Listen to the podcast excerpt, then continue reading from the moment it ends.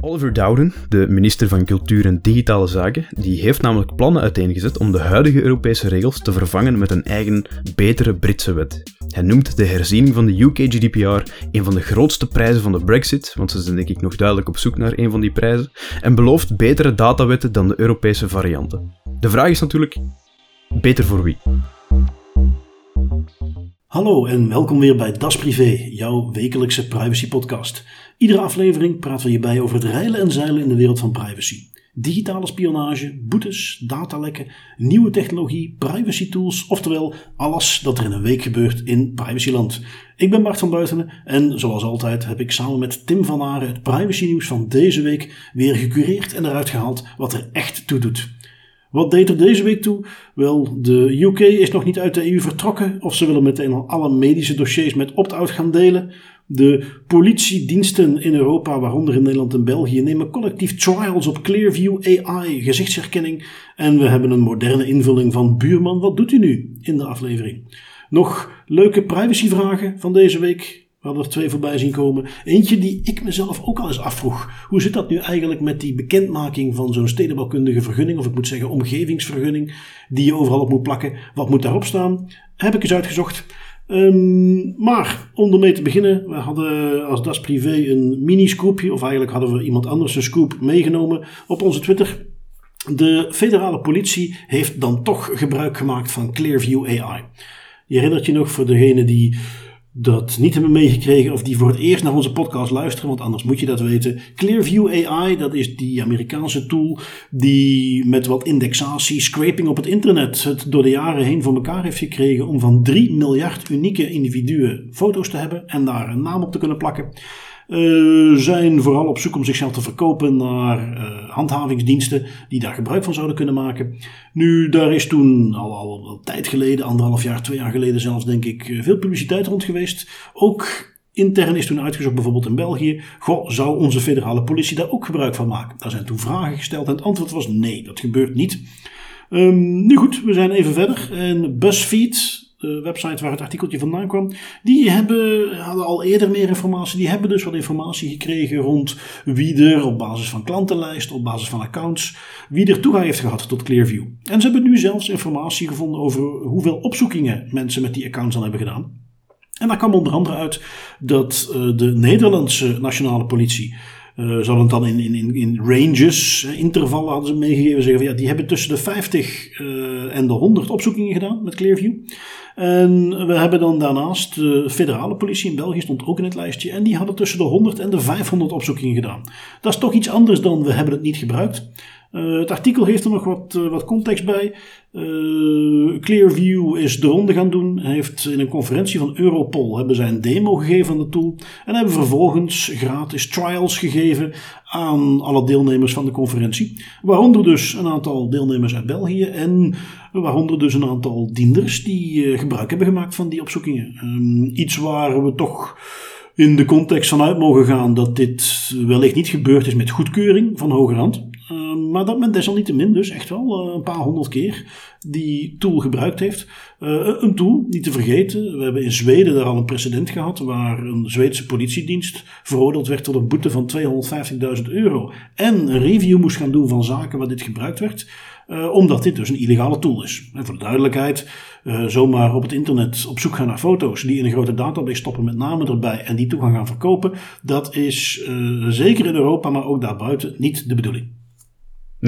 En ook zorgwekkend, want wat je zegt, ik hoop inderdaad dat het klopt, dat dit niet met de goedkeuring en toestemming was van hogerhand. Maar dat legt dan een nieuw probleem op tafel in mijn ogen, want dan heb je ineens politiediensten die lukraak privacy-invasieve of andere technologie gaan gebruiken zonder goedkeuring of zonder overhead van de hiërarchie. En later komt er pas naar boven, dankzij een autonoom onderzoek van een externe partij, dat er effectief toch gebruik is gemaakt van een strikt illegale technologie zonder goedkeuring van de autoriteiten, van de mensen die erboven staan. En Absoluut. dat is ook een probleem. Dat er politiediensten zijn die maar gewoon wat doen. Ja, nee, helemaal. Uh, nu, daar zit je dus ook met, met potentiële problematiek rond uh, ja, onrechtmatig verkregen bewijs. Want die tool is illegaal. Mm -hmm. Mag je dat wel gebruiken? Daar is geen toestemming voor gegeven. Dat is een beetje buiten ons expertisegebied. Dus ik heb daar gebruik gemaakt van de kennis van Dries Partijn. Uh, werkt onder andere voor de Liga voor de Mensenrechten, is advocaat. En die kon ons daar wat extra informatie over verschaffen. Dag Dries, bedankt om hier met mij even kort over te willen sparren. Wij keken naar Clearview. Uh, het risico dat het bewijs wat daar nu mee verzameld is onrechtmatig is. Misschien nuttig om eerst even stil te staan. Wat is onrechtmatig bewijs? Onrechtmatig bewijs is bewijsmateriaal dat is verzameld op een manier door de politiediensten die onwettig is. Het meest duidelijke voorbeeld is bijvoorbeeld wanneer politiediensten gebruik maken van data die zijn, of door van een dataset die is gestolen door bijvoorbeeld een medewerker van een bank. Dat zijn zaken die al zijn gebeurd. Uh, ook het gebruik van camerabeelden van een camera, een privécamera die op de openbare weg is gericht, dat mag in principe niet. Dat is ook onrechtmatig bewijs. Dus het gaat eigenlijk telkens om bewijsmiddelen, maar bekomen op een manier die niet mag. Nu, uh, onrechtmatig bewijs, dan denkt men wel eens van, ah oké, mooi, in een rechtszaak mag dat meteen de deur uitgegooid worden, maar dat klopt niet helemaal. We hebben zoiets als het antigoonarrest. Wat, wat houdt dat in? Well, dat houdt eigenlijk in dat sinds 2002 de regel zelfs omgekeerd is. Normaal gezien mag dat bewijs wel worden gebruikt. Men heeft dat ondertussen ook in een wet verankerd. En het mag eigenlijk alleen niet worden gebruikt als uitzondering als de wet zelf zegt, dit bewijs mag niet worden gebruikt. Dus een wet zegt letterlijk, als u deze wet niet volgt, dan mag u het bewijs dat u bekomt niet gebruiken. Dat is de eerste regel. Als het recht op een eerlijk proces in, in het gedrang komt, dus als uw bewijs op een zodanig verkeerde manier is bekomen dat het niet mag worden gebruikt, bijvoorbeeld door foltering, dan is uw recht op een eerlijk proces in het gedrang. En dan de laatste regel is ook als de betrouwbaarheid van het bewijs uh, niet gewaarborgd is. Ook dan kan dat bewijs in principe niet in aanmerking worden genomen. Wel twee bedenkingen daarover. De eerste is, ja, het moet natuurlijk gaan over bewijs. Een loutere aanwijzing is niet noodzakelijk bewijs. Als iemand naar de politie loopt en zegt, ja, ik heb een diefstal gepleegd, dat is in principe ook onrechtmatig, want je mag niet stelen. Maar de politie kan natuurlijk niet uh, zeggen van, ja, maar goed, je mag niet stelen en wij mogen daar in feite geen kennis van nemen, want hetgeen dat je doet is illegaal. Hè. Dus een loutere aanwijzing op zich, of loutere verklaring, dan moet de politie wel iets, uh, iets mee doen. Nu, je haalde aan uh, onrechtmatig bewijs uh, als het uh, onbetrouwbaar is. Dat is dan een van die redenen mhm. waarom het ook toch nog niet gebruikt kan worden. Zelfs al hebben we dat antigoonarrest. Ja. We hebben hier nu Clearview, gezichtsherkenning. iets wat toch ook al wel van bewezen is dat het niet 100% betrouwbaar is. Is dat dan iets? Stel nu de politie heeft Clearview ja. gebruikt, heeft mij eruit gehaald. Kan ik daar iets mee als dat in een zaak voorbij komt? Dat was net het, het tweede punt dat ik wou aanhalen. Uh, er is niet alleen de kwestie van dat uh, een aanwijzing nog geen bewijs is. Het is natuurlijk niet zo omdat een bewijs uh, toch gebruikt kan worden, dat de rechter het toch zal aanvaarden. Een rechter moet, er nog altijd, moet het nog altijd waarderen. Specifiek als het gaat over Clearview, is het fundamentele probleem dat het inderdaad onbetrouwbaar is. Dus dat op zich, het loutere feit dat iemand wordt herkend door dat systeem, op zichzelf eigenlijk geen bewijs vormt. Opdat het een bewijsstuk zou zijn, wat zal er in de praktijk gebeuren? De politie zal kennis krijgen van een positief resultaat. Dat positieve resultaat, dat automatisch is gegenereerd, zal worden gecontroleerd visueel, manueel door een politieagent.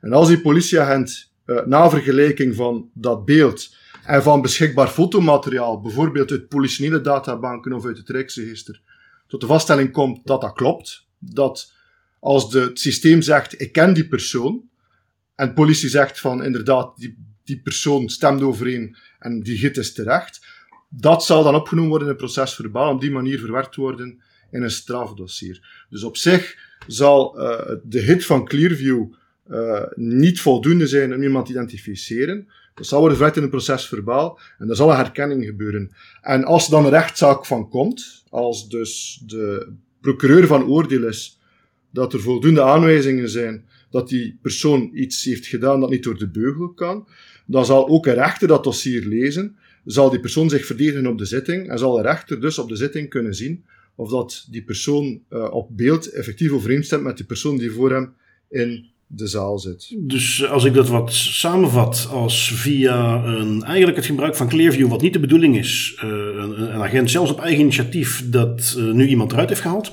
heeft die persoon positief geïdentificeerd, proces verbaal van gemaakt, heeft het opgenomen in zijn bewijsmateriaal. Als ik het goed begrijp, dan, en, en, en laten we voor het gemak er even van uitgaan dat het dan wel om een positieve identificatie gaat, dan kun je daar niet heel veel mee tegen doen, dan zit het er gewoon in en het is bewijsmateriaal wat gebruikt kan worden. Ja, Een rechter zal waarschijnlijk beslissen dat uh, de hit door Clearview op zich geen bewijs is, maar louter een aanwijzing, louter Hmm. een reden om een onderzoek te starten. En hij zal zeggen, goed, nog los van de vraag, is dat rechtmatig bewijs of niet, dat zal niet uit het dossier gegooid worden. En wat er in het dossier blijft, zijn de identificatie door de politie met ondersteunend bewijsmateriaal, zoals een screenshot van de camera en gekend fotomateriaal. Dat zal wel in het dossier blijven en voldoende zijn om iemand te veroordelen. Dan, dan denk ik nog aan één puntje wat, eh, wat, bij ons voorbij kwam. Ehm, ik, een, een agent die, of iemand die gebruikt Clearview, eh, maakt daar niet meteen een zaak van, maar die, die stelt iets vast wat hij toch interessant vindt of meent iemand te herkennen. Kan die daar verder nog iets mee doen? Wordt die informatie ergens opgenomen? Ik denk zelfs dat dat het grootste probleem is. Een verdachte die voor de rechtbank komt, heeft nog het relatieve voordeel dat hij in het dossier kan nagaan hoe men bij hem is terechtgekomen en over welke gegevens de politie beschikt. Want uiteindelijk zitten alle processen verbaal in een strafdossier. En die man kan ook voor de rechtbank, of vrouw, kan ook voor de rechtbank een verweer voeren en zeggen dit is onrechtmatig. En de rechtbank kan dan ook een vingerwijzing uitspreken, ook al zeggen ze dit bewijs kunnen we gebruiken. De rechtbank kan wel zeggen, op zich hebben we, is er een probleem met die methode en we zien dat toch liever niet, niet veel meer Hmm. toegepast worden. Het grote probleem van systemen als Clearview is de combinatie van de onbetrouwbaar, onbe- onbetrouwbaarheid ervan. Er zijn ook aanwijzingen dat er sprake is van digitaal-etnisch pro- profileren bij de achterliggende algoritmes die daar gebruik van maken. Dus er zijn wel een aantal problemen. Maar als dit niet leidt tot een zaak voor de rechtbank, leidt het wel tot een dossier. Het leidt hoe dan ook tot de procesverbaal. De politie moet opschrijven dat het systeem iets heeft gegenereerd en moet dat verder onderzoeken. En dergelijk procesverbaal, dergelijke verdachtmaking, komt altijd terecht in een politionele databank. En bij ons is dat in België de Algemene Nationale Gegevensbank. Waar dan staat vermeld dat u bent herkend of bent vernoemd als verdachte in een bepaald dossier. Dat hoeft op zich nog niet het grootste probleem te zijn, al is het wel bedenkelijk. U wordt er niet van op de hoogte gebracht achteraf door de politiediensten. Maar dan is er natuurlijk nog het risico, en dat is eigenlijk een beetje een onderbelicht risico eh, in de rechtspraktijk, van verdere verwerking, afgeleide verwerking of secundaire verwerking. Met name als men, eh, laat ons een buurt voorstellen, waar er vrij veel diefstallen zijn, eh, waar men gebruik maakt van gezichtsherkenning, waar er een bepaalde hit gegenereerd is ten opzichte van u, maar dat blijkt dan onterecht te zijn. U heeft niks te maken met diefstallen. Maar die diefstal een plaag blijft, blijft aanhouden en u wordt een tweede, een derde, een vierde maal herkend. Ook al is dat vier keer onterecht, u zal op den duur toch wel in het oog lopen van de politiediensten als een bepaalde verdachte, want men zou zich toch de vraag kunnen stellen, wat loopt die man daar voortdurend of die vrouw daar voortdurend in die buurt te doen? Dus het grote risico ervan is niet alleen het probleem op het niveau van Clearview, dat er een onbetrouwbare gezichtsherkenning is, maar dat op den duur politieke databanken worden gevoed met onbetrouwbare data van zogezegde verdachten. Dat is het grote democratische risico. En het toezicht erop is eigenlijk ontoereikend. Uh, ik denk niet dat het politioneel controleorgaan in staat is om uh, het aantal of het gebruik daarvan uh, te gaan monitoren. Uiteindelijk moeten we vertrouwen op, op de, de ethiek en de loyaliteit van de politiediensten zelf om middelen al dan niet in te zetten. En het is ook niet dat degene die het voorwerp uitmaakt van zo'n herkenning zelf wordt verwittigd dat hij ooit herkend is geweest en is opgenomen in een databank. Dat wordt verzwegen. Het enige wat je als burger kunt doen, als er een vermoeden is uh, dat je zo'n databank zit opgenomen ten onrechte, is onrechts toegang vragen tot die gegevens uh, aan de bevoegde toezichtsorganen. Maar dat is eigenlijk een procedure die, die niet veel oplevert. Men zegt eigenlijk gewoon, we hebben een controle gedaan en men heeft uw gegevens al dan niet terecht verwerkt. En meer dan dat is het niet. Nu goed, dan zien we dus dat uh, in die context uh, meer naar AI's, facial recognition, dus ook de politiediensten te maken gaan krijgen met het bekende principe shit in is shit out. En daar gaan ze iets mee moeten doen om te voorkomen dat dit tot verkeerde dingen leidt. Dries, heel erg bedankt om dat voor ons even kort toe te lichten. Graag gedaan. Nou, dat was heel interessant om te horen wat Dries erover te zeggen had. Dries, nogmaals bedankt voor jouw eh, input wat dat betreft. Um, ik wil bij deze ook nog eventjes een shout-out doen voor onze volgende Das Privé Discours, die ook zeer interessant was en die toevallig op het programma stond om uh, deze week ook te publiceren. Later op vrijdag komt die online. Dat is met Frank Schuurmans van het controleorgaan. Je hoorde Dries ook al praten over het controleorgaan.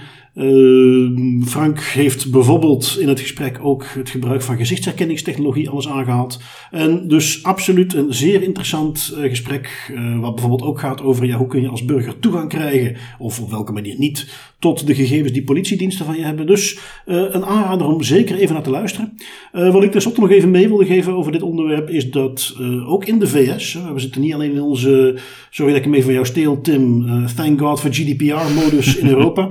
Um, maar ook in Amerika heeft de ACLU, een bekende burgerrechtenorganisatie daar, een zaak aangespannen. Die door Clearview in eerste instantie weggewoven wilde worden onder het mom van First Amendment rights. Dat heeft de rechter ondertussen al terzijde geschoven en die zaak mag dus doorgaan. Dus ook daar gaat dat nog een, een staartje krijgen. Um, dan gaan we even door naar ons volgende onderwerpje. Iets waar ik al wel wat dingen voorbij had zien komen, maar nu heeft het toch echt effect gehad. Uh, iets over in het Verenigd Koninkrijk het gebruiken van medische gegevens. Eh, Tim, je hebt het wel uitgezocht. Waar hebben we het over? NHS Digital, de Britse nationale leverancier van informatie, data en IT-systemen voor gezondheidszorg, was tot voor kort van plan om de gezondheidsgegevens uit het dossier van huisartsen in gepseudonymiseerde vorm beschikbaar te stellen aan onderzoekers en commerciële bedrijven, door ze allemaal in een gecentraliseerde databank te gaan verzamelen. Meteen daar even een kleine disclaimer bij. NHS Digital zelf zegt dat de data anoniem wordt gemaakt, maar als je even dieper leest, dan kom je al snel uit op een halfbakken poging om de gegevens te pseudonymiseren in plaats van echt te anonimiseren. Wat bovendien nog eens losstaat van het feit dat anonimisering, zelfs als je het effectief goed zou willen doen als de intentie er is, zeer moeilijk is om effectief te bekomen. Dat is echt lastig aan het worden tegenwoordig.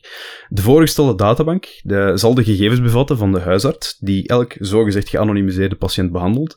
Dus dat is al meteen informatie die het gemakkelijker maakt om de identiteit van een persoon te achterhalen. Het volstaat de arts op te zoeken en te weten waar hij heeft gewerkt en van daaruit de gegevens van de patiënt, die zogezegd dan geanonimiseerd zijn, te volgen.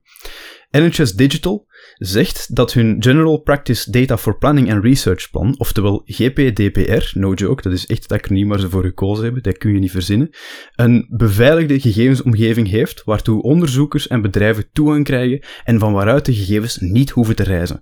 Cool. Tot daar klinkt het nog relatief oké. Het systeem maakt het echter nog steeds mogelijk kopieën van de gegevens bij NHS Digital weg te halen en op een externe site te plaatsen. Dus al die moeite doet, al de moeite die je doet om die beveiliging te voorzien, die is plots nergens meer goed voor, want je kan ook gewoon een kopie pakken van de hele dataset en ze dan ergens anders zetten waar die beveiliging geen flut waard is. Dat zal onderzoekers en bedrijven dus in staat kunnen stellen om die patiëntengegevens te misbruiken, zonder dat NHS Digital daarvan op de hoogte is of daar controles kan toepassen of logging beschikbaar maken. Nu, om even de chronologie goed te hebben, in mei werd dit absurde plan stilletjes aangekondigd met een zeer korte termijn van zes weken, waarbinnen het publiek zich uit die regelen kon terugtrekken met een opt-out.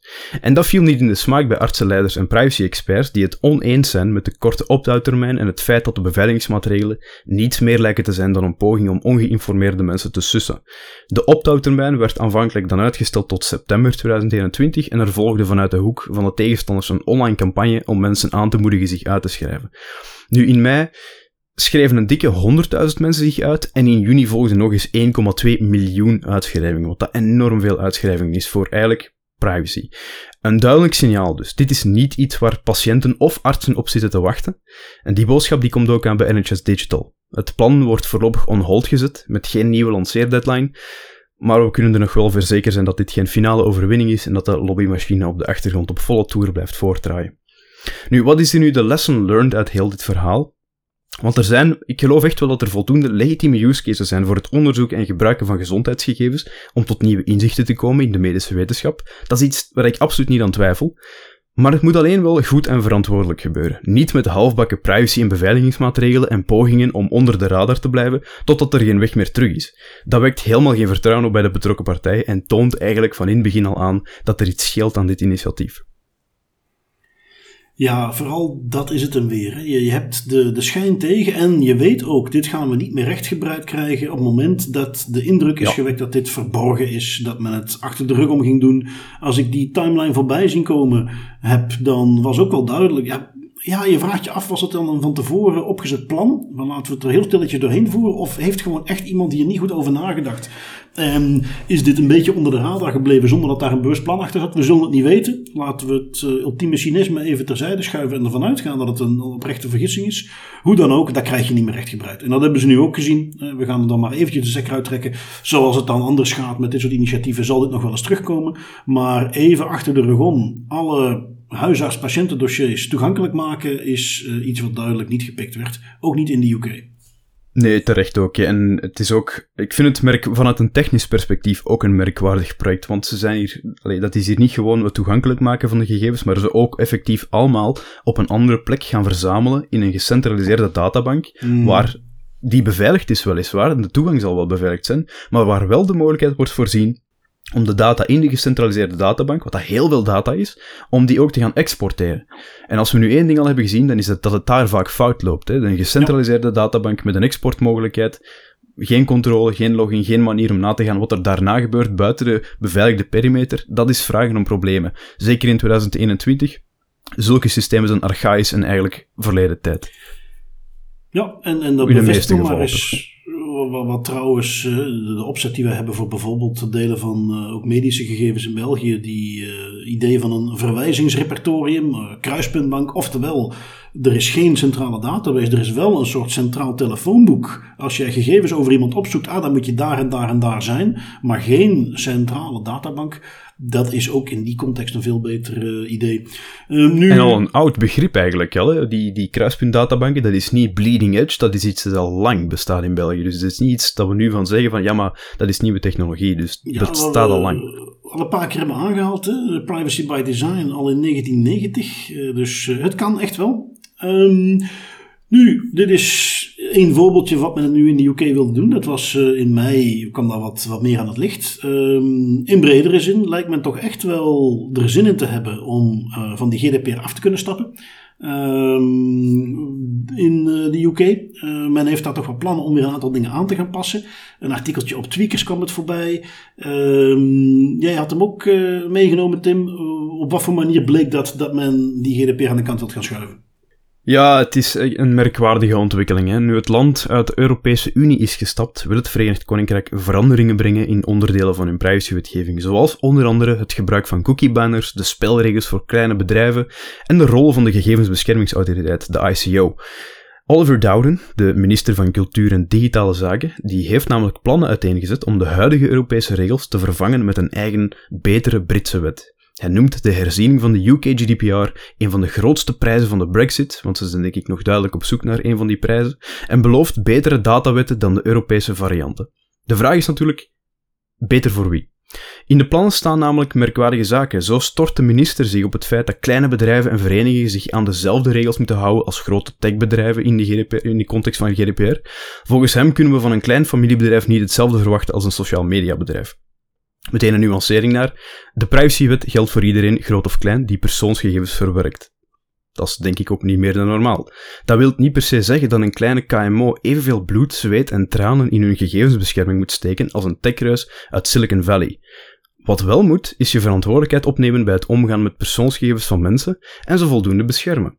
Of dat je nu je persoonsgegevens, of dat die nu gelekt worden bij de warme bakker vlak naast de deur, of bij techreus 1 of 2. De impact voor de betrokkenen is hetzelfde. Die persoonsgegevens liggen op straat en dat wil je niet. Ook komen specifieke voorbeelden aan bod van waar de wet zou tekortschieten. Wetenschappers zouden hun werk niet goed kunnen uitvoeren vanwege de privacywet en de kerk van Engeland kan geen nieuwsbrieven meer sturen naar kerkgangers omdat dit onder marketing zou vallen. En ik mis nog net een tirade over het opsporen van terroristen en kinderpornografie, want dit toont aan dat de minister een karikatuur aan het maken is van de wetgeving om mensen onterecht op het verkeerde pad te brengen. De GDPR heeft nu al ingebouwde bepalingen en afwijkingen om wetenschappelijk onderzoek te faciliteren en kerkgangers kunnen gerust een nieuwsbrief blijven ontvangen, want gerechtvaardigd belang kan je in direct marketing cases, zoals een nieuwsbrief gebruiken als rechtgrond. Geen gedoe met toestemming nodig voor de mensen die dat graag eens willen lezen waar ik het nu over heb. Recital 47 van de GDPR. Als afsluiter hebben we dan ook nog de rol van de ICO. de Britse autoriteit die volgens het plan naast het beschermen van gegevens ook moet instaan voor het gebruik van gegevens voor economische groei. Nu, op zich kunnen hier wel interessante zaken uitkomen, denk ik, als men die privacy en economische doeleinden nu eens laat samensmelten in een soort privacy by design fusion en daar een bruikbaar geheel van maakt in de rol van de autoriteit. Maar ja, de cynische kant die mij vreest wel dat er plots heel veel budget en aandacht gaat naar het economische groeiaspect en minder naar privacy. En dat stelt dan de vraag, kijk, ja, de, ze hebben een adequaatheidsbesluit, het Verenigd Koninkrijk. Gaat dat nu in stand blijven als die veranderingen erdoor komen? Dat is een, een belangrijke vraag voor de industrie. Ja, kijk, dat adequaatheidsbesluit, die, die afspraak die de Europese Unie heeft gemaakt met, joh, voorlopig gaan wij ervan uit dat jullie wetgeving op hetzelfde niveau zit als onze GDPR, want uiteindelijk is die daarop gebaseerd. Dus de gegevens mogen blijven vloeien. Daar was al heel veel commentaar op dat dat vooral een commerciële afweging was, of, of laten we zeggen politiek, omdat het uh, praktisch ook gewoon niet haalbaar was om daar nu ineens een halt toe te roepen. Dat was al duidelijk. Dit soort initiatieven gaan dat verder wegdrukken. Wat ik vooral zo jammer vind als ik dat lees, Kijk, ik woon niet in het Verenigd Koninkrijk. Ik, ik, volg die politiek niet voldoende op. Maar het lijkt zo ontzettend populistisch. Die voorbeelden die ze aanhalen zijn dingen waarvan iedereen met enige GDPR of, of UK GDPR kennis weet. Dat klopt gewoon niet. Je zegt hem ook al, een kerk mag gewoon nieuwsbrieven sturen. Iedereen die aanhoudt dat het niet mag. er waren dan berichten die ik ook voorbij zag komen van ja, kerken geven aan dat ze hun kerkgangers niet meer kunnen bereiken. Want van die privacywetgeving mag het niet. Um, er waren er zo nog uh, die voorbij kwamen. Uh, ik denk ook eventjes aan de ICO die eigenlijk al een hele tijd uh, heel veel, als je gaat kijken naar bijvoorbeeld de vacatures op de website, ik volg een aantal privacy experts uit Engeland die zich daar heel erg druk om kunnen maken. Daar staan al heel veel um, uh, economic policy advisors, uh, rollen op die niks te maken hebben met handhaving, met onderzoek naar privacywetgeving, maar die al heel erg geënt zijn op het stimuleren van, van economische aspecten. En ik denk dat dat iets is wat binnen een autoriteit gescheiden moet blijven. Of, of niet bij een autoriteit moet zitten.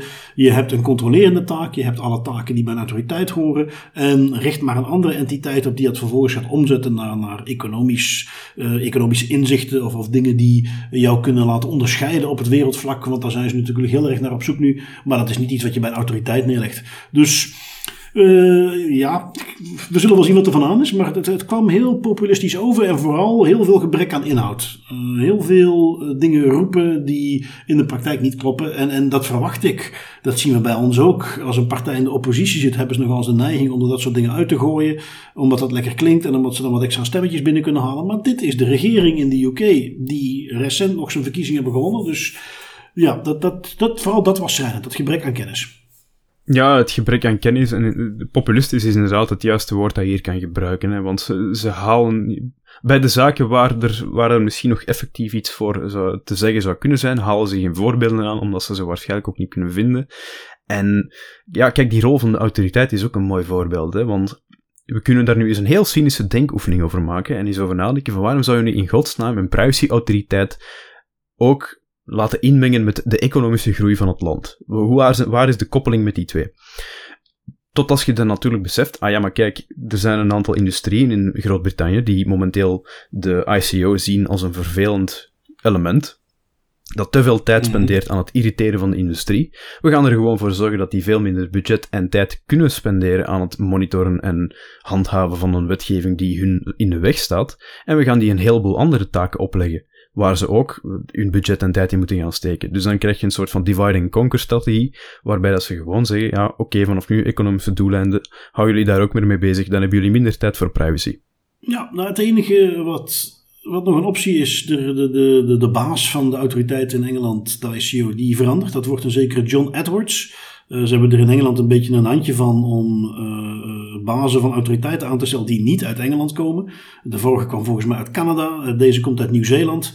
Um, desalniettemin, die staat bekend als een hardliner op privacygebied, dus dat is een interessante. Um, nu, als we even doorgaan, artikeltje wat dichter bij huis, kwam op een aantal Nederlandse media voorbij.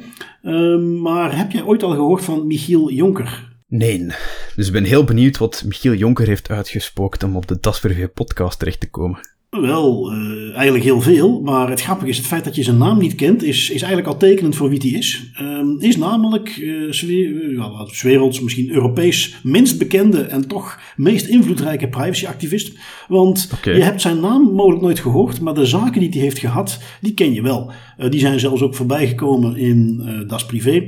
Uh, ik denk eventjes aan de afvalpas in Arnhem, waar de gemeente in eerste instantie allerlei gegevens van een kaartje rond afval ging verzamelen, dat ging bijhouden. En waar na zijn tussenkomst dat zeer ernstig is gereduceerd, dat er alleen maar eventjes wordt gevalideerd voor je die pas gebruikt. Um, woont deze persoon hier, worden even die gegevens binnengehaald en daarna meteen verwijderd. En wordt er dus voor de rest niks bijgehouden, gaat die afvalcontainer open. Um, de OV-chipkaart in Nederland, uh, iets waar uh, ja, al jarenlang heel veel om te doen is. Hè, waar je niet meer gewoon een biljetje kunt kopen en dat aan de conducteur kunt laten zien en dan mag je reizen. Maar je moet daar per se met een soort OV-chipkaart reizen. Um, zelfs als je maar een eenmalig iets hebt, moet je die uh, regelen. Um, waar naar privacy natuurlijk weer van alles over te zeggen valt. Die heeft ook een aantal keren de autoriteit persoonsgegevens zelf voor de rechter gesleept. Omdat die vond dat die niet handhavend genoeg optrad. Lang verhaal kort. Die is heel erg actief met die dingen. Eh, maar staat er dus onbekend dat hij zelf niet de publiciteit zoekt. Ehm, ik eh, las bijvoorbeeld een interview met tweakers van een jaar geleden. waarin ze dan hem mochten interviewen. Maar waar er altijd, als het gaat over. ja, wat doe je eigenlijk qua werk? Hoe is je gezinssituatie? Nee, dat uh, weigert hij op te antwoorden. Zegt hij: nee, ik ben hier voor een bepaalde zaak. En dat is waar ik over wil praten. zelfs dat zijn naam überhaupt bekend was, was al niet evident. Dus heel interessant figuur. Um, waarom ik hem er specifiek even bijhaal. Waar, en, en ik ben toch, denk ik graag, ook wel heel erg begaan met privacy. Maar het is voor mij wel iemand die het af en toe te ver gaat zoeken. Um, nu hadden we het dus met de afvalpas. daar is het ook voorbij gekomen. Waar de gemeente dus echt aanpassingen heeft gedaan. Volgens mij, ook volgens de autoriteit persoonsgegevens overigens. Hè, misschien een iets uh, zwaardere mening. Voldoende maatregelen heeft genomen om die verzameling bij die afvalpas zo minimaal mogelijk te doen. En alleen eventjes de dingen binnen te halen die nodig zijn om te valideren. Mag iemand hier afval storten? En daarna alles te verwijderen. Dus ja, toen we het erover hadden in de podcast, gaven we ook al aan uh, behoorlijk privacy by design. Uh, maar waar Michiel Jonker van zei, nee, ben ik het nog steeds niet mee eens. Want het is toch die ene milliseconde. Maar ja, in, in, in termen van datalekken en, en technologie kan in die ene milliseconde van alles gebeuren. Dat ze die gegevens bijhouden, vind ik toch niet correct. En ik ga me beraden op stappen. Wel, het nieuws waar we hem nu bijhalen is dat, uh, en dat is in dit geval nieuws, want het is er eentje die normaal gezien tot het uh, boordje gaat. Um, hij heeft gezegd, ik ga daarvoor niet naar het Europees Hof. Ik uh, stop ermee. Ik denk niet dat ik dit kan winnen. Ja, eigenlijk wel jammer, hè, want hij had al een redelijk goede victory behaald. Met die, tegen die afvalpas, er zijn effectief veranderingen ingekomen en dan drijf je te ver en ga je te ver. En dan, ja, dan is dit hetgeen dat uiteindelijk het, het verhaal afsluit. En niet de, de overwinning, maar het feit dat je die strijd moet staken omdat het te ver gaat. Ja, ik wel jammer. En inderdaad, ik had er eigenlijk nog nooit van gehoord. Wel van zijn initiatief, inderdaad. De afvalpas, die chipkaart, et cetera. Uh, het is bijna de, de belichaming van de privacy zelf. Hè. Strictly business, to the point. En als het ja. over hem gaat, dan mag jij daar niks van zeggen. Dus op dat vlak vind ik het wel cool. Ja, ja uh, waar het mij vooral in zit, is, is um, ook naar, uh, naar buiten toe, naar communicatie toe, naar mensen achter je zaak krijgen. Het nadeel wat hij denk ik heeft, is dat hij heel snel bekend staat als een beetje een, een, een, een, een links rakker die veel te ver gaat. En die in die zin ook een beetje doorgeslagen is. Waardoor je niet meer altijd serieus genomen wordt. Want die heeft een aantal hele sterke punten. Die heeft een aantal hele goede inhoudelijke bezwaren. Is ook zeker geen uh, dom figuur uh, of, of, een losgeslagen activist. Daar zitten heel veel goede dingen achter. Maar doordat hij het af en toe wat te ver drijft, verliest het af en toe zijn boodschap een beetje. Uh, ik pak even omgang met social media. Ehm, kijk, ik ga op LinkedIn, waar ik toch ook graag op post, ga ik ook niks zetten over mijn gezinssituatie. Ga ik zelfs niet zetten in wat voor auto ik rij, omdat ik gewoon niet wil dat dat iets is wat opgepikt kan worden door de algoritmes van Microsoft. Um, maar bijvoorbeeld in onze podcast hier uh, vind ik het prima om eens een keer te zeggen dat ik een dochter heb of uh, iets wat dan een tikkeltje privé gerelateerd is. En, en, en dat is een beetje de balans die ik belangrijk vind uh, om te zorgen dat het, dat niet te veel doorslaat. Um, maar goed, uh, dat was een beetje het nieuwtje uh, dat hij dus nu eens een keer een zaak laat liggen. Um, we gaan even door. Jij hebt hem meegenomen, maar die is op heel veel media voorbij gekomen. Um, iets over het nieuwe eigendomsrecht, het goederenrecht in België, wat hervormd is. Uh, wat is daarvan aan? Ja, en het is eigenlijk over die media-aandacht dat ik het specifiek wil hebben. Hè. Het, Belgische goederenrecht werd hervormd recent en enkele nieuwsites konden het toch niet laten om daar wat privacy clickbait rond te maken. Hè. HLN, quote, de tuin van de buren wordt vanaf 1 september ook een beetje uw tuin. Oeh, spannend. Of De Morgen, bal over de haag getrapt. Vanaf 1 september mag u die zomaar gaan halen bij de buren. Ja, Dat klinkt als een privacy-nachtmerrie, maar er is wel een nuance die ik mis in die titels. Vanaf 1 september mag je inderdaad iemands eigendom betreden om een verloren bal of huisdier te zoeken, maar je moet wel eerst aanbellen bij je buren om te vragen of het mag. Als ze niet thuis zijn of weigeren, heb je wel het recht om je bal of huisdier nog altijd te gaan zoeken in hun tuin, maar je moet dus wel eerst altijd een poging doen om aan te bellen, om contact te zoeken met de buren en te zeggen van hé hey jongens, er ligt iets in die tuin, mag ik dat alsjeblieft gaan halen. Elke andere inmenging of gebruik van eigendom valt ook niet onder dat recht, dus je kan niet zeggen van ah, mijn bal ligt in de tuin, maar er is ook een mooie schommel, ik ga even op die schommel voor ik mijn bal ga pakken. Dat kan ook niet onder dat nieuw goederenrecht. En dat is een privacygewijs in mijn ogen nog wel iets redelijker dan het toekomstbeeld van een buurt waar iedereen plots in elkaars tuin kan staan zonder dat daar enige vorm van communicatie of iets dergelijks aan te pas komt. Dat zijn wel spelregels waar je aan moet houden. En dat is een ander beeld dan wat er in de media werd gezegd. Hè. Van iedereen kan zomaar in uw tuin gaan staan, vanaf nu is uw tuin niet meer uw eigen tuin. Ja, nee, je moet nog wel altijd eerst proberen om contact te zoeken en te communiceren met de buren zoals dat normaal gezien zou moeten gaan, voordat je overgaat tot effectief een domein betreden. Dus dat is op zich iets beter. Ik denk ook dat het een beetje uh, dit hele specifieke aspect betreffende een regularisatie is van iets wat iedereen al deed. Uh, ik heb ook jeugdherinneringen van voetballen in de tuin en dan tot ieders ontzetting toch die bal iets te hard schoppen waardoor die over de heg van de buurman vliegt. En ja, dan ga je inderdaad even aanbellen met knikkende knietjes van ja, ik heb die bal weer zijn tuin geschopt. En is hij niet thuis, dan kijk je even om je heen. Dan denk je oké, ik loop even heel rap die tuin in, bal pakken en heel rap weer weg voor het geval iemand dat toch ziet. En nou ja, dat, dat, was de praktijk al. Dus daar moet, en ik kan me ook niet voorstellen dat er mensen zijn die daar echt heel moeilijk in hebben. Tenzij het dan, die ken die ook allemaal, die ene buurman was die altijd ontzettend lullig deed om dit soort dingen. En die heeft dan nu misschien een beetje pech. Uh, het ging ook om andere dingen die wat, wat praktischer zijn. Als jij je huis wilt verbouwen, kan het niet zo zijn dat jij je huis niet mag verbouwen omdat je toevallig geen plek hebt voor de ladder. Nee, dan moet die ladder uh, dan maar eventjes in de tuin van de buren kunnen staan. Erop gelet dat dat niet te lang mag zijn, dat dat proportioneel is. Um, dus helemaal mee eens dat de, de aandacht die hiervoor was eigenlijk een beetje non-issues zijn. Ik zag ook een aantal uh, advocaten, juristen uh, online fulmineren van ja, typisch de media weer, pakken hier echt één mini-aspectje uit, terwijl het goederenrecht, de wijzigingen die erin staan, het moderniseren van een wetgeving die al sinds de jaren 1800 niet meer was aangepast, dat is eigenlijk het nieuws hier. En dan pakken ze er het ene kleine aspectje uit, uh, is toch iets wat ik op een heel aantal plekken terug zag komen. Ja, precies. Hè. Dat is uh, gewoon een kleine nuancering die ik wil meegeven aan de luisteraars. Want dat, je hebt het ongetwijfeld voorbij zien komen. Elke krant, hoe klein dan ook, heeft dat erop opgevlogen alsof het niks was. Uh, maar het is, het is dus niet zo erg als dat iedereen zegt dat het zou ging zijn. Ja. Um, gaan we door met een berichtje uit The Record. Uh, wat meer security georiënteerd.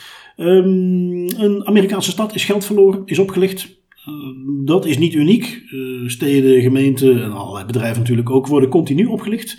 Uh, het ging om de klassieke, uh, zoals dat zo mooi heet, Business Email Compromise, BEC.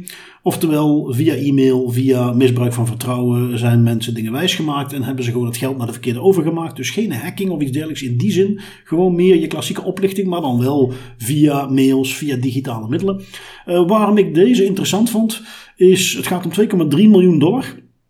Maar dat, uh, ja, dat is op zich natuurlijk al een flink bedrag. Maar in dit geval gaat het om de stad Peterborough. Geen klein stadje, maar die 2,3 miljoen is 15% van het jaarbudget van die stad.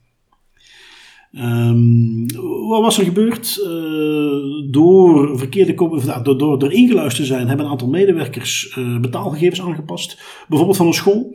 En van twee contractanten die aan een brug aan het bouwen zijn. Ja, dat soort infrastructuurprojecten, daar gaat aardig wat geld in om.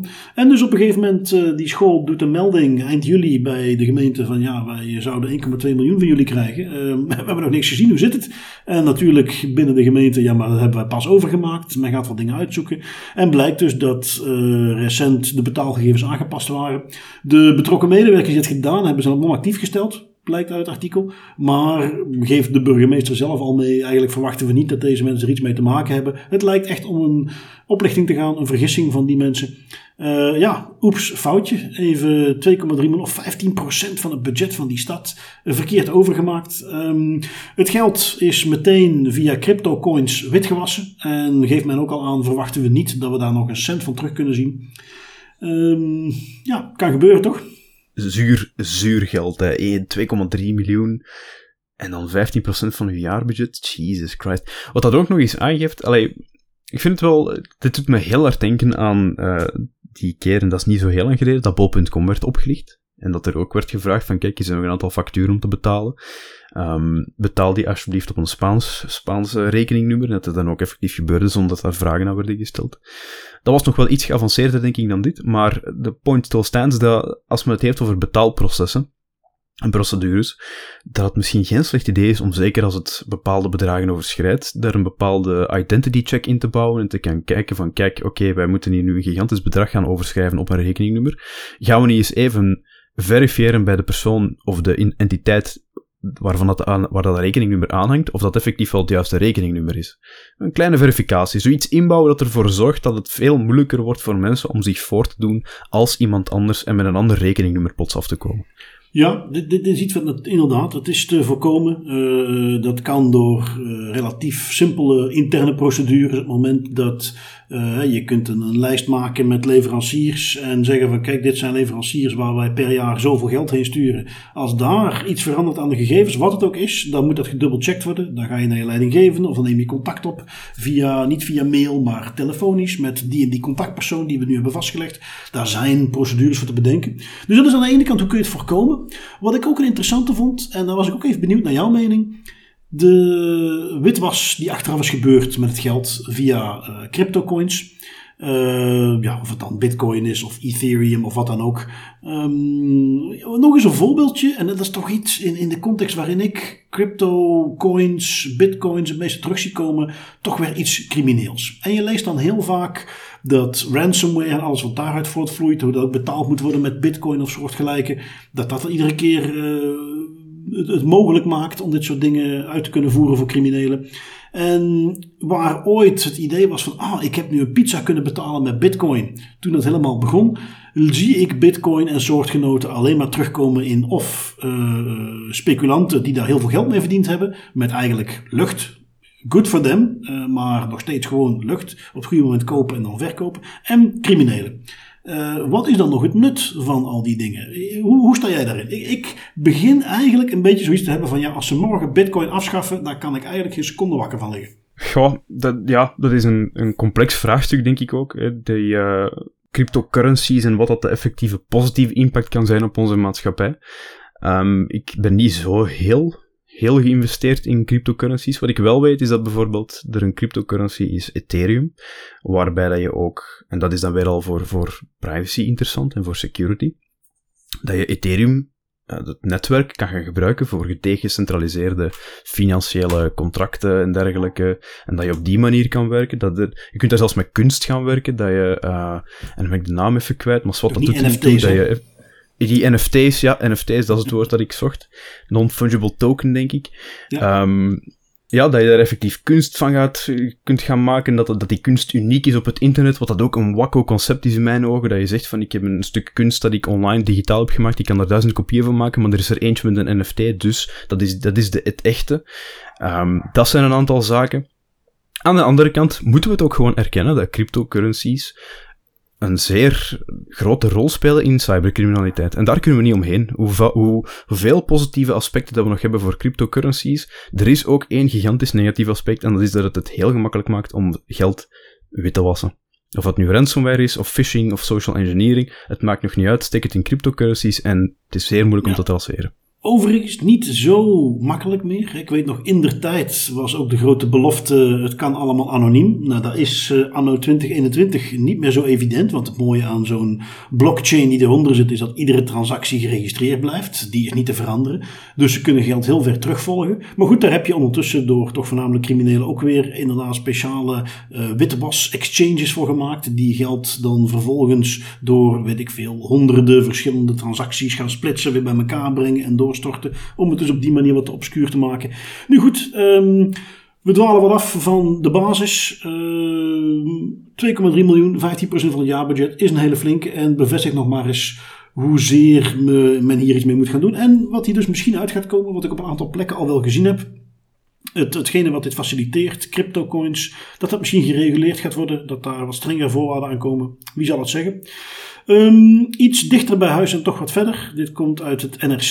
Jij hebt hem meegenomen, Tim. Uh, nog wat opvolging. Want in Afghanistan, als het, we hadden het de vorige keer al over, over de, de, de, biometrische databases die nu toegankelijk zijn voor de Taliban. En nu is er weer een voorbeeldje van gegevens die verwerkt zijn, die destijds met het idee van oké, hier, ja, we maken hier gewoon een lijst van. Maar waar nu dan weer van blijkt wat voor een privacy risico er eigenlijk aan vasthing. Um, om wat voor lijst ging het? Ja, ik uh, denk dat het ondertussen geen geheim meer is dat verschillende overheden effectief nu bijna samenwerken met de Taliban om de evacuatie zo goed mogelijk te laten verlopen in Afghanistan. Zij, de Taliban is uiteindelijk degene die momenteel de macht heeft binnen dat land. Nu, Amerikaanse regeringsambtenaren hebben doelbewust de namen van Amerikaanse burgers, green card houders in Afghanistan en Afghaanse bondgenoten doorgegeven aan de Taliban. Ze hoopten de Amerikanen de chaotische evacuatie soepeler te laten verlopen, aangezien het de Taliban zijn die het vliegveld van Kabul bewaken en bepalen wie wel en niet door die checkpoints komt. Probleem is alleen, die evacuatielijsten hebben een keerzijde. Zeker nu die evacuatievluchten zijn geschrapt na de dodelijke aanslag in, op het vliegveld. De persoonsgegevens op de lijst kunnen levensgevaarlijk zijn voor mensen die nog in Afghanistan zitten en door die lijsten gemarkeerd kunnen worden als ideologische tegenstanders. En in Politico reageerde een medewerker van het ministerie van Defensie anoniem nog met de quote: Ze hebben die Afghanen in feite op een dodenlijst gezet. En de Amerikanen zijn niet de enige die slordig omgaan met gegevens. Ook de Britse ambassade in Kabul liet makkelijk te lezen gegevens achter, waaronder documenten over Afghaans ambassadepersoneel en sollicitaties van vertalers. En ja, dat kan wel eens levens kosten als je zo slordig eigenlijk omgaat met de persoonsgegevens. Ik snap wel het idee van, kijk, ja, die, die Taliban heeft daar nu de macht en we moeten die evacuatie zo snel mogelijk laten verlopen en we moeten ervoor zorgen dat die mensen door checkpoints kunnen. We gaan die een lijst meegeven van mensen die door die checkpoints moeten kunnen gaan. Maar wat dan maar ook niet mag vergeten is, ik ben geen expert op het gebied van, van Afghanistan en Taliban, maar wat ik ook wel in het nieuws zie is dat Taliban geen centraal geen centraal leiderschap heeft. Er zijn nog andere splintergroeperingen die ook die informatie te pakken krijgen, die misschien die personen die door de checkpoints gaan zien als ideologische tegenstanders en als een doelwit. En dan heb je een probleem, hè? Ik, ik moet wel zeggen, want dat stukje wist ik eigenlijk niet. Ik kende de variant wel dat ze in de ambassades op andere plekken de lijst hadden gevonden. Maar die hele situatie dat je nu zegt: oké, we hebben mensen die we willen evacueren, want de Taliban zijn aan de macht en die mensen lopen gevaar. Dus weet je wat, we gaan die Taliban een lijst geven met die mensen, zodat ze makkelijk kunnen geëvacueerd worden. Daar zit toch iets heel erg strop qua redenering. Dat, uh, dat wist ik niet dat het zo krom was gegaan. Dat is uh, heel erg. Ja, dat is heel erg. En dat is, um, dat is bizar, want de Amerikanen, ze ontkennen het zelf niet. Ze hebben het ook effectief bevestigd dat ze effectief namen, evacuatielijsten hebben doorgegeven aan de Taliban in de hoop dat ze die zo die mensen op het vliegtuig konden krijgen. Maar uh, daar moet ook rekening mee houden. Niet iedereen dat op die lijst staat, gaat op dat vliegtuig kunnen. Er zijn ook Afghaanse bondgenoten die misschien minder gemakkelijk door de checkpoints gaan en die gewoon worden tegengehouden, omdat dat ideologische tegenstanders zijn. Dat zijn mensen die heulen met de vijand. En ja, dat is, dat slordig gewoon. Dat, dat gaat levens kosten. En dat is jammer. Dat is, uh, ja, laten we het maar simpel zeggen, een uh, spijtige zaak. Uh, een ander voorbeeldje dat we meegenomen hebben van The Guardian over het opstellen van lijstjes gesproken. Um, want ja, als we dan toch hebben over onderdrukking, dan mag China niet al te lang uitblijven. Um, nu een uh, Chinese universiteit, die, uh, een van de grotere, Shanghai University, met heel veel locaties, die heeft nu gevraagd aan de, ja, de medewerkers, de mensen op de universiteit zelf, om een lijst op te stellen om bij de studenten die bekend staan of zich identificeren als onderdelen van de Holibi-gemeenschap of laat ik het even helemaal goed zeggen, LGBTQ+, uh, uh, moet ik noemen, gemeenschap, uh, om daar lijsten van op te gaan stellen en om in kaart te brengen wat hun state of mind is. Ehm, de lijsten, de vragen zelf werden gepubliceerd op Twitter. Ehm, het, het, is iets waar men kennelijk zegt. Ja, op internet, op Twitter geeft men aan van ja, kijk, dit is weer een voorbeeldje van vervolging die gaat plaatsvinden. Dus de volgende doelgroep waar de Chinese regering het op gemunt heeft. Anderen zeggen dan weer van ja, nee, we kijken, dit is meteen de meest negatieve insteek die je op kunt hebben. Uh, zo is het niet bedoeld. Um, laten we anders zeggen, het is gewoon meer een behoefte vanuit de Chinese overheid die we wel kennen. Om gewoon continu dingen in de gaten te houden, te monitoren, mogelijke problemen te gaan identificeren. Uh, bijvoorbeeld potentiële activisten. Dus het is helemaal niet bedoeld om, om een soort van uh, homofobische vervolging in te stellen. Uh, nu, oké, dat soort vervolging dat zou wel heel extreem zijn. Maar het idee dat men dit doet om mensen te identificeren en in de gaten te houden als potentiële activist, vind ik daarom niet per se een betere reden. Nee, nee, nee. Het, uh, de reden is nog het minst voor mijn zorgen als een staatsapparaat zoals dat van de Chinezen naar de universiteit komt en zegt van kijk jongens, we gaan vanaf nu jullie state of mind verzamelen en uh, ik wil ook weten wie de erop valt, want dat is belangrijk voor later. Dat is zorgwekkend ongeacht wat dat ze daarmee doen. Dat is, dat is iets dat hoeven zij ook toch helemaal niet te weten. Dat is uh, heel vreemd. Dat je zoiets, moet je dat eens voorstellen dat je dat in België doet, dat vanaf nu uh, Universiteit Gent en Universiteit Antwerpen gaan zeggen van kijk, als je inschrijft, laat ook even weten um, hoe dat jij je identificeert, op wie dat jij valt, op wat dat jij valt, en wat jouw state of mind is. Dat, dat is dan, is de, dan is de kast al snel te klein, denk ik. Ik hoop het. En, en ik terecht, hoop het.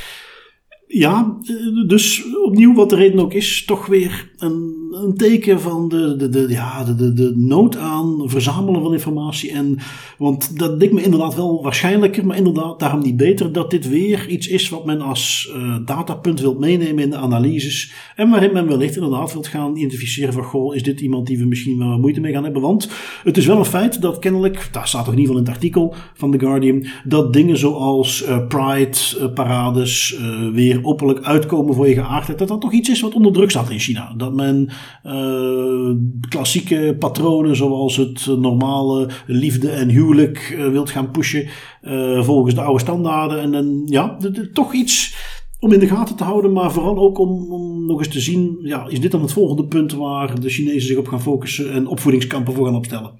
Ja, autoritaire regimes stonden er sowieso al niet onbekend als ze vrij progressief op seksueel vlak en op relationeel vlak. Dus ik vrees er een beetje voor. Ja, maar, uh, om, om, daar ja. heel even een klein zijstapje te maken, maar wat is dat toch met die focus op geaardheid? Ik, ik snap het oprecht niet. Waarom wil men daar nu weer een punt van maken? Ik bedoel, wat heb je daaraan? Wat, wat, wat is, de, is het zo dat uh, men dan denkt dat die per definitie oproer gaan veroorzaken? Dat je daar last mee gaat hebben als autoritair regime? Ik snap het oprecht niet wat zoveel van die regimes hebben, nu net specifiek op dat punt.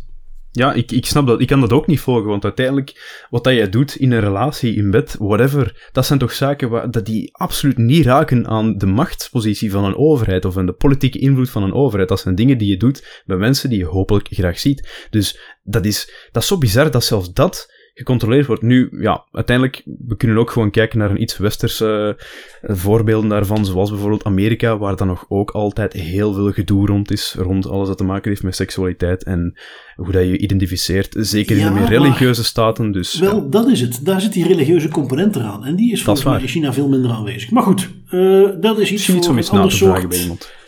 Iets om eens na te vragen. Ehm, misschien ook van een ander soort podcast. Maar in ieder geval iets wat ik toch eens heel eventjes de revue wil laten passeren. We gaan weer even door met iets wat wat dichter bij de privacy security context ligt. Ehm, we weten dat alles wat los en vast zit gehackt wordt. En ondertussen ook medische toestellen. En de volgende heeft het nieuws gehaald. Uh, je hebt hem van uh, McAfee en security.nl uiteraard. Wat hebben ze nu weer aan de hek kunnen leggen van medische apparaten? Yes, yes. Een interessant eh, security horror story. De beveiligingsonderzoekers van McAfee hebben maar liefst vijf kwetsbaarheden ontdekt in een infuuspomp van het merk B. Brown, die het mogelijk maakt om de medicatiedosis aan te passen. Eh, big oops. Om de, aanvaller, om de aanvallen uit te voeren, moet je wel op hetzelfde netwerk zitten als de infuuspomp, maar dat toont nog maar eens aan dat een goede beveiliging in de zorgsector eigenlijk wel de norm zou moeten zijn. Hè? Als je zelfs al de medicatiedosis kunt gaan aanpassen met een infuuspomp die eh, zwak beveiligd is. En bij een goede beveiliging hoort ook vulnerability management. En dat is vooral waarom ik dit artikel heb meegepakt, om dat nog eens aan, te, aan de kaak te stellen. De fabrikant van de pomp heeft ondertussen een update uitgebracht, maar de onderzoekers geven nog steeds mee dat kwetsbare versies van de pompsoftware op grote schaal binnen ziekenhuizen gebruikt blijven worden. En zo het risico blijven lopen op aanvallen. En eigenlijk kunt hier, moet hier maar twee dingen zo snel mogelijk doen. Of je update de kwetsbare infuuspompen ASAP, of je monitort netwerkactiviteit van en naar de pomp tot de update geïnstalleerd kan worden. Maar het feit dat de beveiligingsonderzoekers die het lek al lang geleden gemeld hebben, uh, die de kwetsbaarheden al lang geleden gemeld hebben, nu nog altijd afkomen met, het, met, het vraag, met de vraag en eigenlijk het, het alarmerende bericht van kijk jongens, die pompsoftware die enorm lek is, waar je gewoon de medicatiedosis kunt gaan aanpassen van patiënten, die wordt nog steeds op grote schaal gebruikt. We zien daar nog heel veel hits op terugkomen. Dat is problematisch.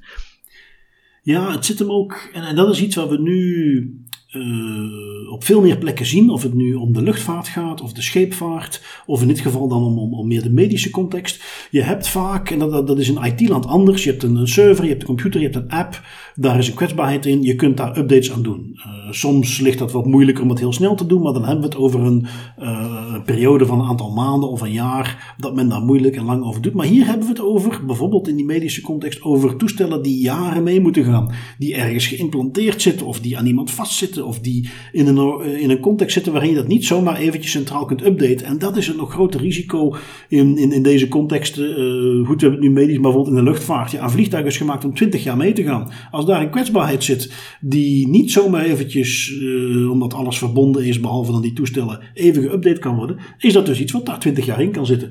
En dat als stukje das privé, das beter.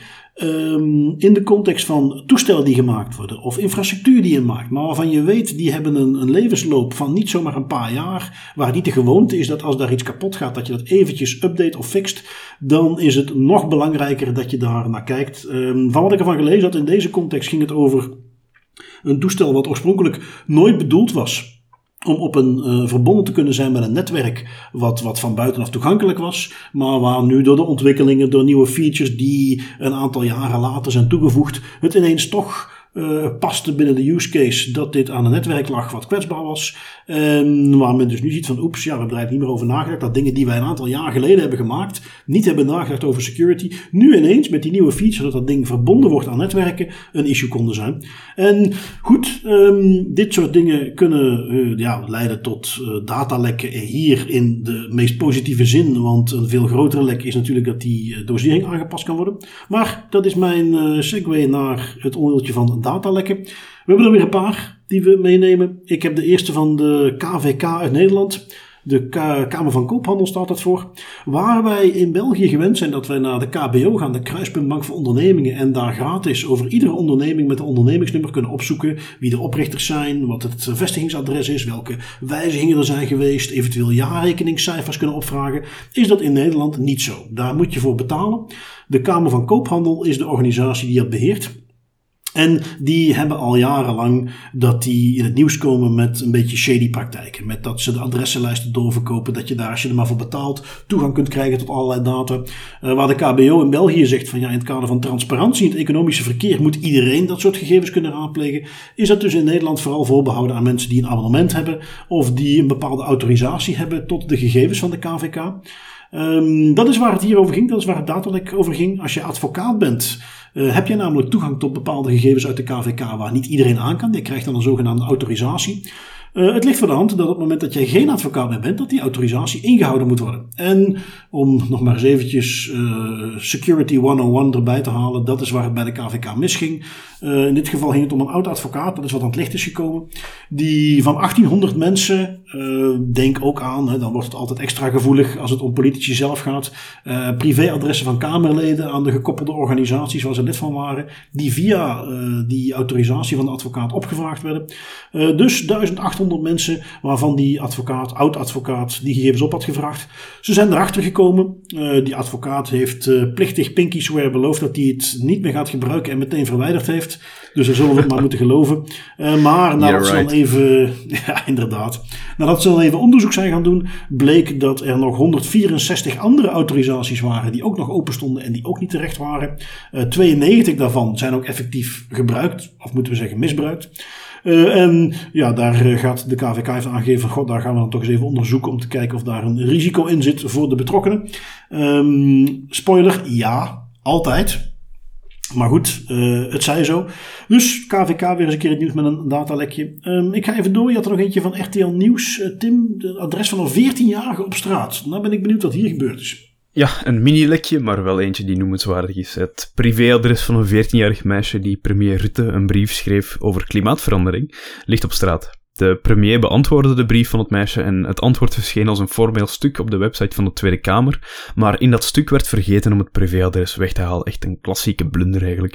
En de gevolgen, zoals verwacht als het over een polariserend onderwerp als klimaatverandering gaat, zijn niet geweldig positief. De 14-jarige krijgt ondertussen agressieve reacties, mensen die haar kutkind noemen en dergelijke. Alles wat je mag verwachten van een volwassen publiek. Een minuscuul datalek, maar relatief gezien wel eentje met hoge impact voor de betrokkenen en toont ook nog maar eens aan dat ja, gegevensbescherming, het is iets voor iedereen. Het is belangrijk, want als het eens fout gaat door een blunder of door slordigheid, dan heb je nu een 14-jarig meisje dat niet meer vertrouwt in de regering. Ja, waar uh, de autoriteit persoonsgegevens in tegenstelling tot in België wel, voor zover ik weet, boetes mag opleggen aan de overheid, dan lijkt mij dit toch een mooi voorbeeldje, want dit is nogal een, publieke casus. Um, goed, dat is iets wat de autoriteiten dan dus hopelijk gaan oppakken. En we hebben een aantal autoriteiten die weer de revue passeren, maar we zijn iets wat verder gaan zoeken. You will respect my authority! Niet alleen in Europa is men namelijk bezig met privacy, maar ook daarbuiten is er iets wat voorbij komt. Uh, Rusland, niet meteen het eerste land waar je aan denkt als het om privacy gaat, maar ze hebben zowaar ook een toezichthouder die zich bezighoudt met alles van telecommunicatie en dus ook een stukje privacy. En in Rusland hebben ze al lang, moet ik toegeven, um, een zogenaamde datalokalisatiewet. Dat betekent Gegevens van Russen die jij verwerkt mogen het land niet verlaten. Jij zult dus uh, die in Rusland moeten opslaan. Uh, LinkedIn heeft daar al veel mee te maken gehad. Al in 2016 denk ik werd de toegang tot LinkedIn op een gegeven moment een keer dichtgezet. Omdat die daar dachten van ach, we sturen die gegevens gewoon door. Wat kan er gebeuren? Wel, LinkedIn werd gewoon door de Great Russian Firewall geblokkeerd. Uh, was niet meer toegankelijk in Rusland. Toen hebben ze dat snel teruggedraaid. Zijn ze die gegevens wel degelijk gaan bewaren. Um, nu, het is iets waar men dan boetes voor uitdeelt als je daar dus uh, tegen zondigt. Twitter heeft een boete gehad. Let even op, dit is een uh, waanzinnig hoge boete, namelijk 195.000 euro. Uh, voor het dus niet volgen van die datalokalisatiewet. Je zou bijna zeggen, hè, tenzij ze de toegang weer een keer dichtgooien, dat je als Twitter denkt, ach, we nemen het risico gewoon, dit kunnen we betalen. Ja, cost of business.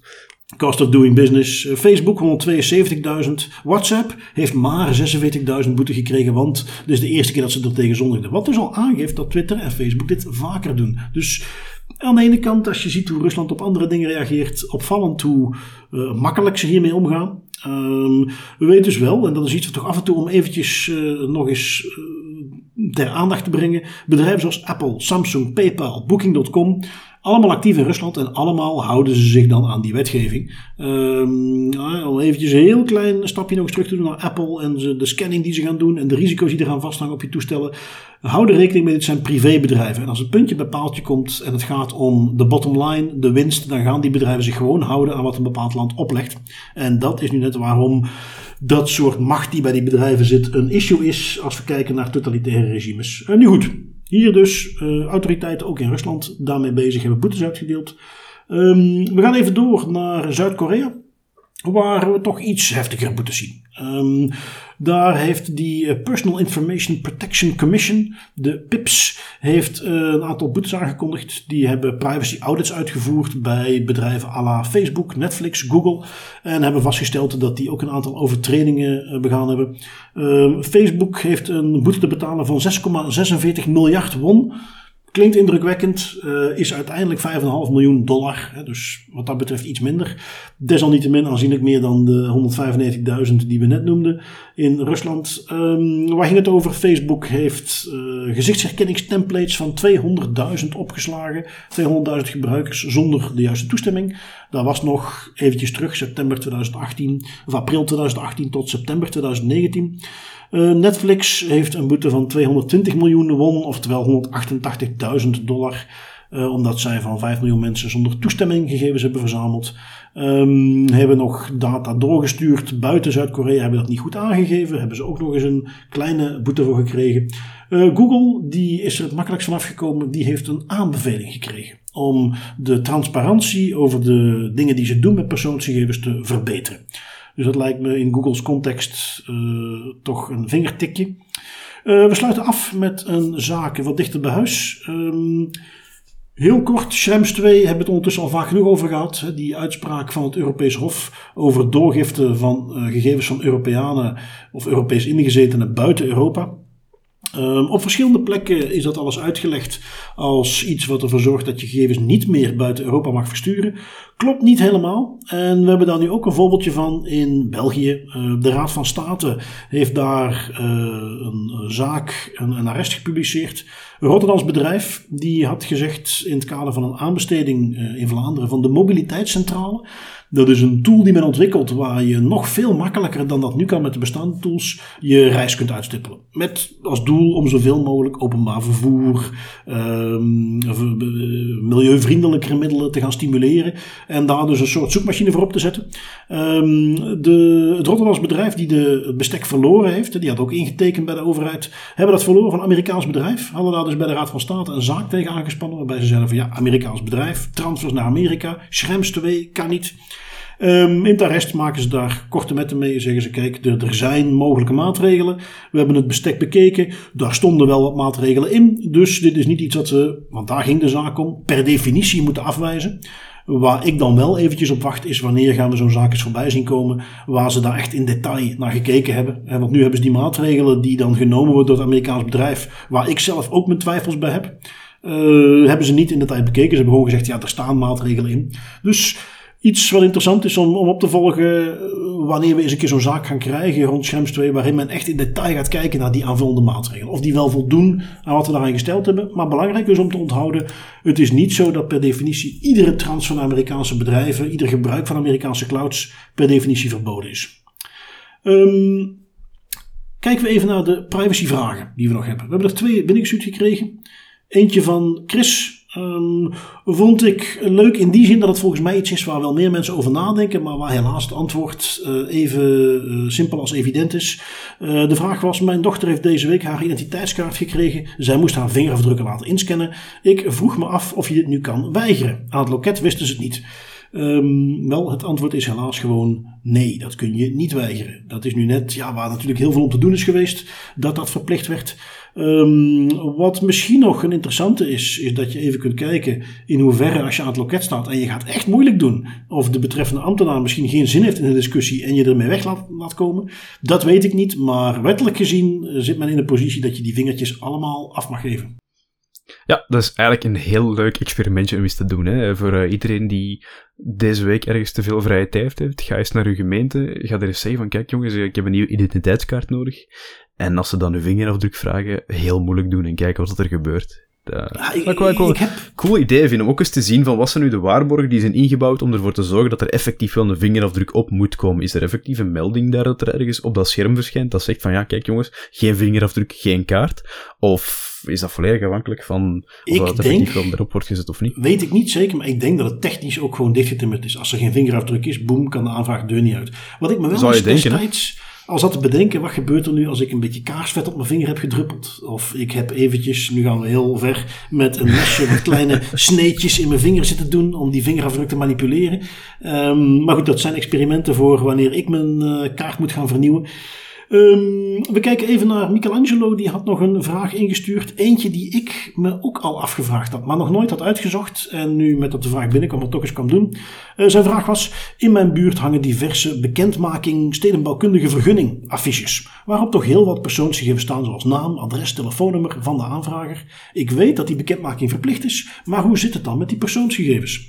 Ehm, nou, in mijn uh, opzoekingen ben ik erachter gekomen dat we tegenwoordig dat soort dingen allemaal omgevingsvergunningen moeten noemen. Waarin je dan een aantal varianten hebt. Dat is recent aangepast. Maar meer to the point. Um, die bekendmaking is inderdaad wettelijk opgelegd. Ik ben dan even gaan kijken, ja, waar kunnen we dan terugvinden wat daarin moet staan? Dan kom je uit op het besluit van de Vlaamse regering tot uitvoering van het decreet van 25 april 2014 betreffende de omgevingsvergunning. Artikeltje 18 daar lijst op wat erop moet staan. Uh, natuurlijk allerlei dingen over de vergunningsaanvraag zelf. Um, naar persoonsgegevens kan ik daar alleen maar vinden de naam van de aanvrager of exploitant. En voor de rest niks meer.